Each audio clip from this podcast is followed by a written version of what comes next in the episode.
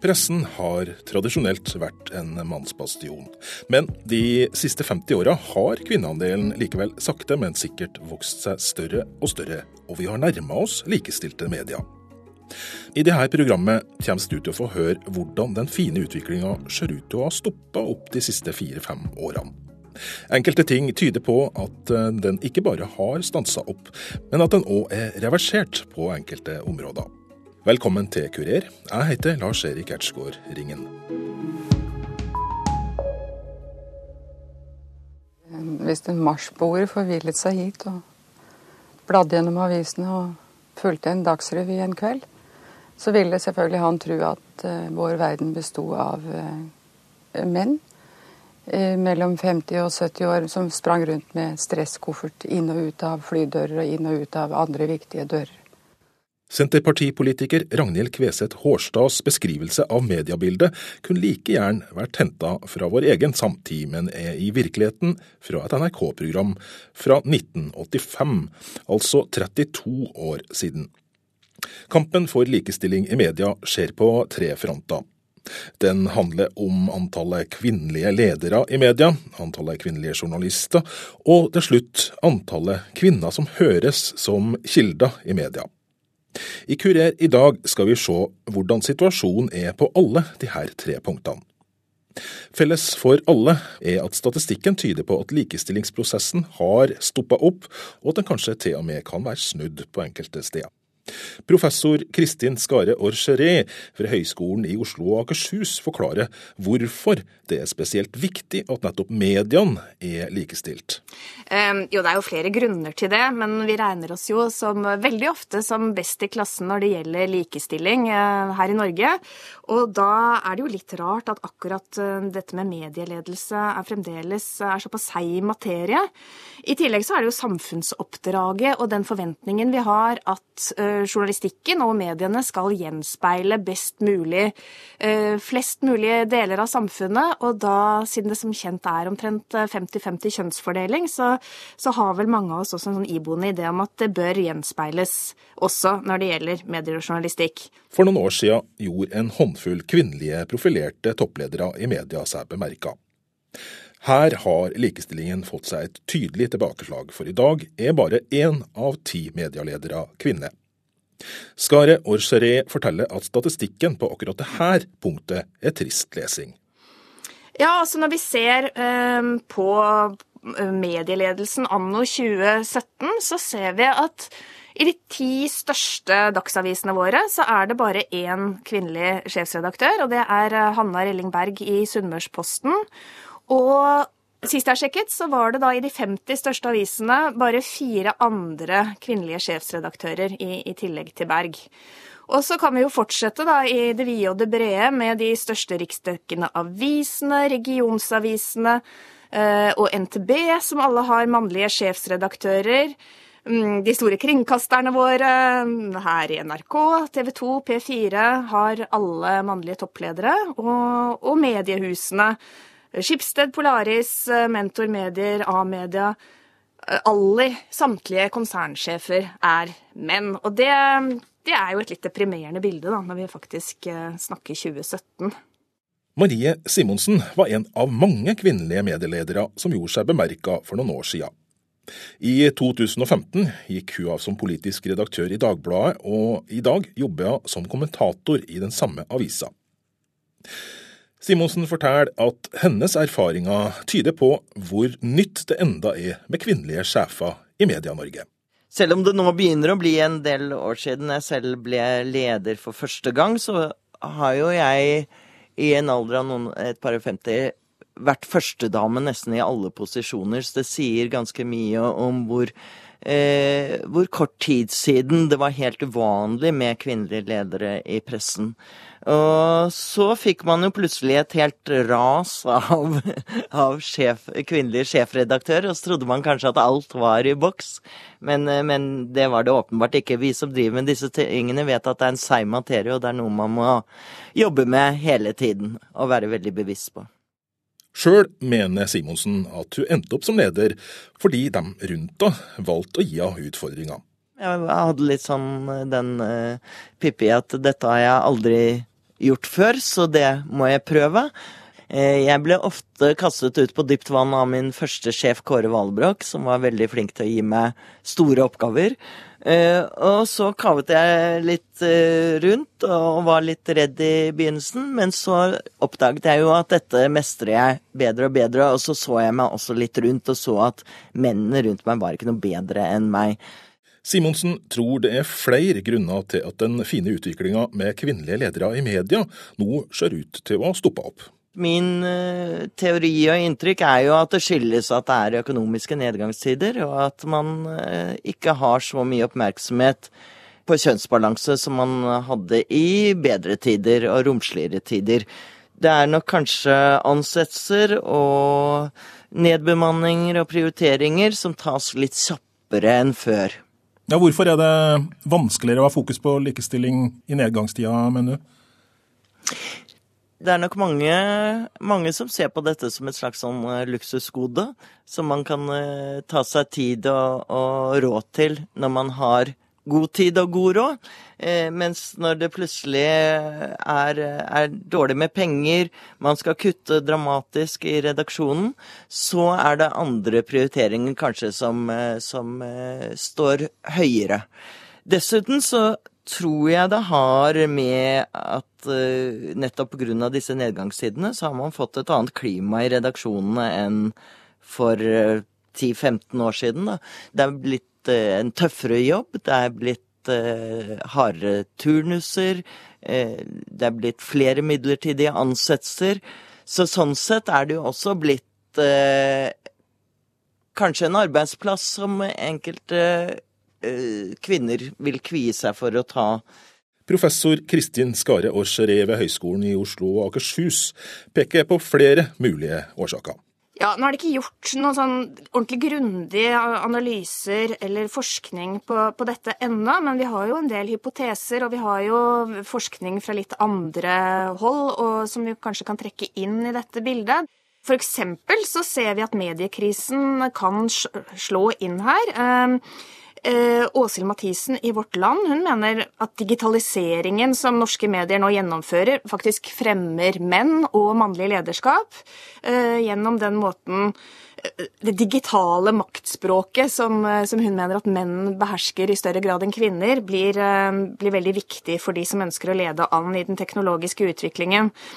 Så er, vet vi jo fra, fra, samfunnet generelt, og også blant journaliststanden, at eh, det er flere kvinner som jobber deltid, og at kvinner, eh, hvis vi skal generalisere, som vi vel gjør når vi snakker kjønn på denne måten, ofte er mer trygghetssøkende enn det menn er. Og da kan man jo tenke seg at i disse um, usikre tidene så vil eh, kvinner i større grad søke seg til andre kommunikasjonsfaglige yrker, eh, informasjonsrådgivere, PR-medarbeidere, og, og, ikke nødvendigvis den mer rene journalistikken, om vi kan kalle den det. Marie Simonsen har fått føl på kroppen at det kan være ekstra krevende å være kvinnelig redaktør. Drapstrusler, personangrep og seksualiserte e-poster har vært en del av hverdagen, og dette kan nå være en mulig årsak til at færre kvinner i dag velger en karriere som toppleder i media i forhold til for noen år siden. Du blir jo veldig synlig, særlig når du er eh, en av få kvinner i eh, både i din egen avis og i media generelt. Og det merker du jo på reaksjonene utenfra. Jeg blir nok, vil nok påstå, selv om det stadig diskuteres om det er riktig, at jeg får en litt hardere og tøffere behandling enn mange av mine mannlige kolleger. Og det bekrefter de jo hver gang de ser e-postinnboksen min. Før så pleide jeg å få mer seksualiserte mailer, da må jeg innrømme. Nå får jeg mer på at jeg er en gammel hurpe som bør bør trekke meg tilbake. Det får jo ikke mine jevnaldrende mannlige kolleger.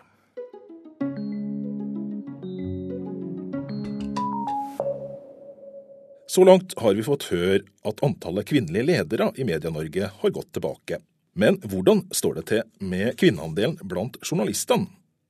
Kristin Skare Orcheré, som jobber ved journalistutdanninga ved Høgskolen i Oslo og Akershus, forteller at det i mange år har vært en stor overvekt av kvinnelige studenter. Lenge har det vært slik at rundt to tredjedeler eh, av de norske journaliststudentene var kvinner. Og, og, nå er det faktisk helt oppi da, i, i 80 eh, jenter og 20 gutter. Og det, det, er også litt uheldig hvis man ønsker seg et, et mangefasettert eh, studiemiljø, da, som, som, det er i, i vårt tilfelle. Med den store kvinnedominansen i journalistutdanninga i bakhodet er det oppsiktsvekkende at det fremdeles ikke er likestilling i norske redaksjoner. Medlemsstatistikken til Norsk Journalistlag viser at 10% av journalistene i 1960 var kvinner. Og etter det så har kvinneandelen sakte, men sikkert økt. Til i 2012, da var kvinneandelen oppe i 43% men siden 2012, samtidig som kvinneandelen i studiene har eksplodert, har veksten flata ut, og i fjor gikk faktisk kvinneandelen i Norsk Journalistlag marginalt ned igjen. Professor Skare Aucheré syns det er vanskelig å forklare hvorfor det store kvinneoverskuddet i utdanninga ikke smitter over på redaksjonene. Nei, det er et godt spørsmål. Det er, det er litt vanskelig å svare helt entydig på det. Men at uh, andelen flater ut, er vel uh, da et sammensatt uh, fenomen. Og, og, jeg tror ikke vi skal kimse av den, den situasjonen som norsk mediebransje er i, og, og at kvinner da kanskje tenker, tenker litt mer videre enn å gå rett inn i, i rent journalistiske stillinger. Og vi vet at mange menn har en tendens til å ansette andre menn. Og, og, hvis noen miljøer blir veldig mannstunge, så kan jo det faktisk bli en sånn sirkel som, som forsterker seg, og at det kan bli vanskeligere også da å få, få kvinner inn. Det at vi ikke har noen kvinner på toppen, eh, gjør jo at det er veldig få rollemodeller som, eh, som unge kvinner kan strekke seg etter. Kommentator Marie Simonsen i Dagbladet, som sjøl har jusutdanning, ser klare likheter mellom journalistikken og jussen. Man ser det i andre andre yrker hvor det er et veldig hardt arbeidspress, og hvor det kreves mye at man står på litt sånn døgnet rundt. F.eks. Eh, i advokatkretser så er det, jo, er det, jo, en stor Der har det jo lenge vært på jussen har det vært lenge en stor overvekt av kvinner, men likevel er advokatfirmaene totalt dominert av menn. Eh, og selvfølgelig særlig på partnersiden. Og det man ser er jo at kvinner eh, orker ikke de prioritere heller da å ta en eh, ikke mer avslappet jobb, men en mer strukturert jobb i det offentlige, som det ofte er, hvor eh, arbeidstid og skikting er litt mer forutsigbart. Det er det jo gjort undersøkelser på. Jeg tror at det er det samme som gjelder litt uh, i mediebransjen også. Men Hvor tror du det blir av alle de kvinnelige journaliststudentene som ikke blir journalister? Nei, jeg vet ikke. Jeg ser jo rundt meg, og det er jo i kommunikasjonsbransjen ser det jo også veldig mannsdominert ut, så gudene vet. Vi starter kveldens sending med å presentere en rapport om hvem som snakker i NRK. Rapporten er basert på en opptelling av alle program som kom på luften i løpet av en måned. Vi sakser herved noen eksempler fra rapporten. Dagsrevyen 17.10. Kvinnene i denne revyen var Wenche Lowzow, og tre på gaten i en rundspørring. 22 menn.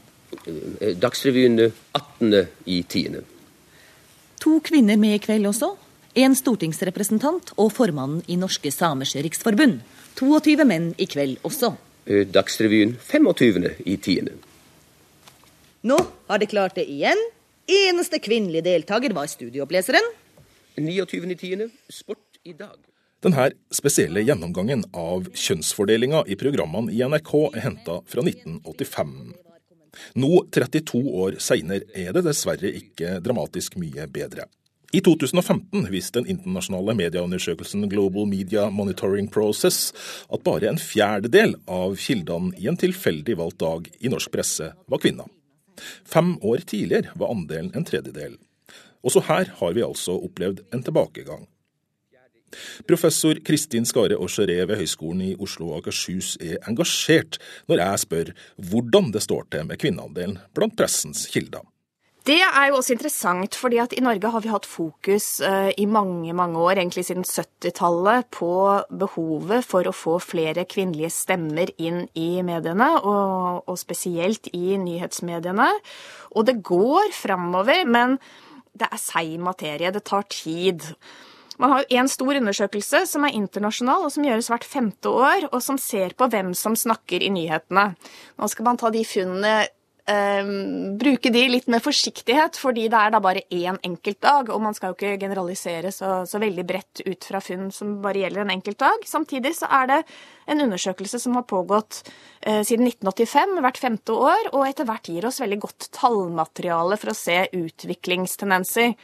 Og da ser vi at internasjonalt så ligger kvinnelige eh, kilder på rundt eh, en fjerdedel av totalantallet kilder eh, i nyhetsmediene. Og i Norge så det litt, står det litt bedre til. Der ligger kvinneandelen på rundt en tredjedel.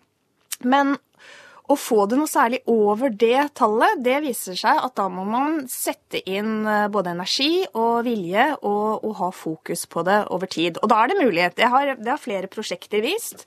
Men igjen, hvis man slipper litt taket, så, så skal det ikke så mye til før det sakte, men sikkert deiser ned igjen. Og i tillegg ser vi jo at hvis vi ser spesielt på på dette som vi kaller ekspertkilder, så er situasjonen enda verre, i den forstand at da er det ca. bare 20% kvinnelige eksperter i, som kommer til orde i nyhetssakene. Så veldig ofte vil det jo være slik at det er eh, en sak om en eh, konsekvent ekspert, altså en vanlig mann eller dame i gata, som, som, da skal være et bilde på den saken eh, man snakker om i nyhetsmediene. Og så vil det komme en mannlig ekspert inn til slutt og fortelle hva dette betyr. Det er liksom den klassiske nyhetssaken fremdeles i dag i, i norske medier. Og, og, hvorfor det er slik, er jo sammensatt. Um, man har en del, gjort en del forskning akkurat på dette, og, og det viser seg at det generelt ofte er vanskeligere å få kvinner i tale, spesielt når det gjelder den type ekspertsaker, ekspertise. Samtidig som at de som sitter i redaksjonene og journalistene trenger å tenke litt nytt, uh, se seg litt om etter alternative kilder. Hvem er det egentlig som er en ekspert? Og at kanskje Eh, noen kvinner må oppfordres eh, litt mer og, og, hjelpes litt inn i det offentlige rom, men at man ser fort resultater av å bruke litt ekstra tid på, på å fremme disse kvinnestemmene. Så det er sammensatt. Kvinner eh, kvier seg ofte litt mer for å, å ta ordet, og ønsker å ha full kontroll, være skikkelig oppdatert på det de snakker om, i større grad enn menn. Der ser vi en, en tydelig kjønnsforskjell. Skare og Charé forteller at folk flest ser ut til å ha en forestilling om at det står bedre til med likestillinga i mediene enn det faktisk gjør. Eh, en, et interessant funn her, som vi har sett i, i forskningen vi har gjort, er jo det at de fleste tror det står bedre til enn det det gjør. Um, slik at mange vil tenke at kanskje det er ca. 50-50, men så viser det seg at det er snarere 40-60. Kommentator Marie Simonsen i Dagbladet mener at skjevfordelingen hos kildene som mediene velger å slippe til, synliggjør at vi fremdeles har et godt stykke å gå før vi er likestilte. Det viser jo hvor, eh, hvor, stereotypt eh, disse forestillingene er. Vi tror liksom at vi er likestilte, men de sitter, eh, sitter dypt. Disse forestillingene om at eh, menn er tøffere, er, har mer autoritet, eh, at de er lettere å få til å snakke. Og det er en sånn litt sånn ond sirkel, da. At man eh, journalister blir litt jeg vil ikke si late lenger, for det er det få av mine kolleger som skal beskyldes for nå om dagen. Men eh, de trenger svar raskt, og da er det lett å bruke de kildene man alltid har brukt, og som man ofte gjerne har arvet fra tidligere eh, kolleger. Og, de, og, du ser jo gjerne at det er det samme som uttaler seg om og om igjen, og at det er veldig mange menn.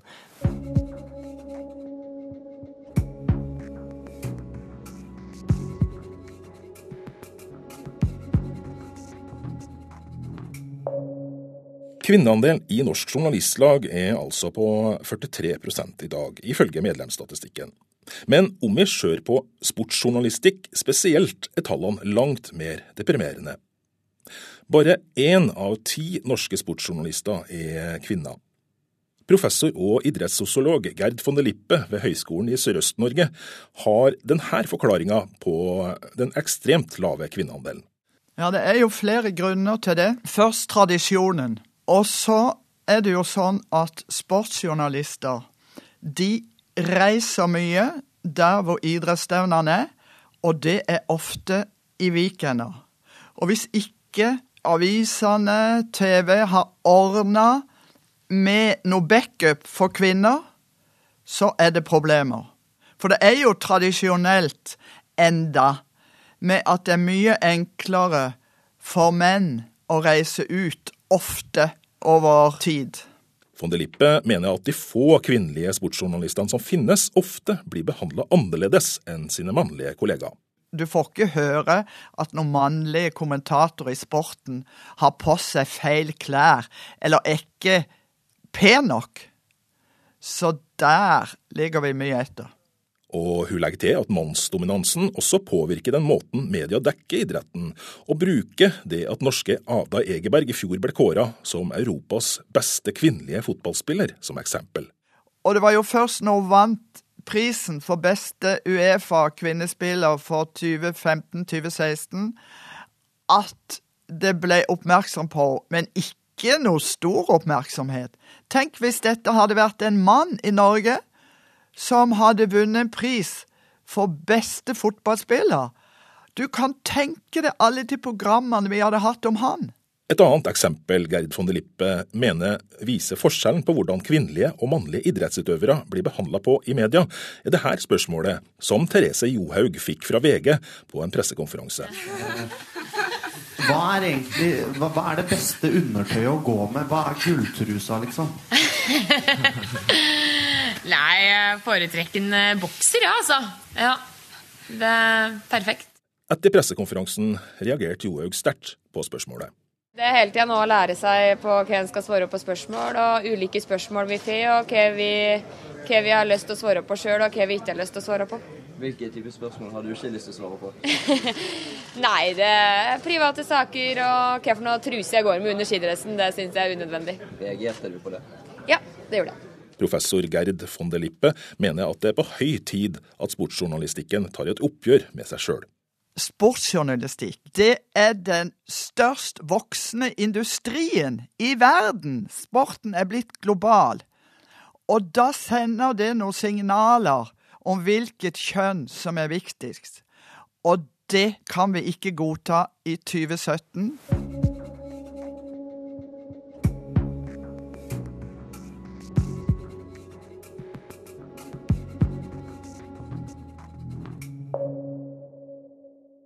Men alt er heldigvis ikke bare negativt. På noen områder har likestillingen også gått framover de siste åra i media. Og her skiller NRK seg positivt ut. Kringkastingssjef Tor Gjermund Eriksen har god grunn til å være fornøyd med kjønnsbalansen i toppledergruppa. I toppledergruppa med direktør så er vi ti stykker, og det er vel seks kvinner og fire menn. Eh, og dette har blitt endret i de siste årene. Det har vært jobbet systematisk med dette i NRK i eh, lang tid. Eh, for det ville ikke vært mulig hvis du bare begynte på toppen. Det er bare mulig fordi man bygger erfaring, og at eh, kvinner og menn får de samme mulighetene til å utvikle seg og ta mellomlederjobber og sånn i organisasjonen for øvrig. Kringkastingssjef Eriksen forteller at det er bevisst politikk som ligger bak de gode NRK-tallene. Som leder så har gjort det til en regel at jeg, når, når det skal ansettes nye, så avslutter vi aldri en sånn prosess uten at det er kandidater av eh, begge kjønn som er aktuelle.